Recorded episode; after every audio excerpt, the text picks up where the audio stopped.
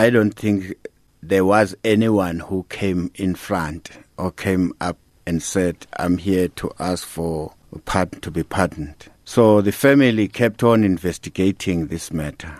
And eventually, by look of things, they had a right to do so. And even those who, are accused to have committed this kindness, they still show no remorse in court hearings. So in that way, we cannot say uh, the TRC idea was bad. The TRC, it worked. It, yes, it had its challenges.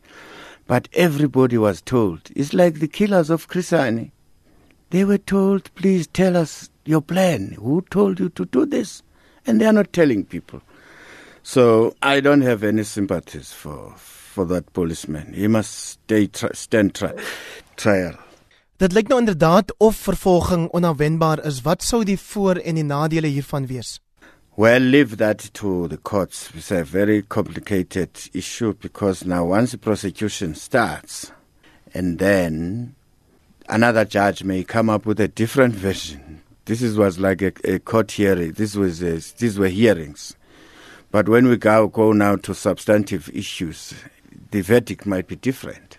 Let us not preempt that process. Wat doen die ontbloting van hierdie soort inligting soos die na die dood van Ahmed Timol aan sosiale kohesie in ons land? It's because people don't listen. When Mandela and de Klerk decided that with the route we are going to follow is that of uh, promoting social cohesion, and in doing so, I'm appointing uh, Bishop Tutus and others, highly respected people, come forward and confess. People did not do that.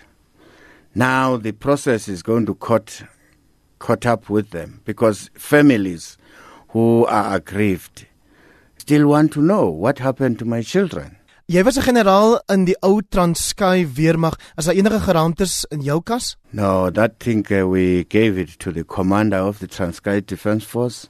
He went to the TRC and we said to him anything which the soldiers of Transkei that included myself because I was a soldier in 94. So we have asked for part to be pardoned for our sins. It's in black and white. En waar staan ons vandag met betrekking tot Madiba se versoeningsprojek? Unfortunately, the person who is uh, trampling the legacy of Mandela and de Klerk and others is none other than the president himself, President Zuma. Because when he's in trouble, he plays a race card.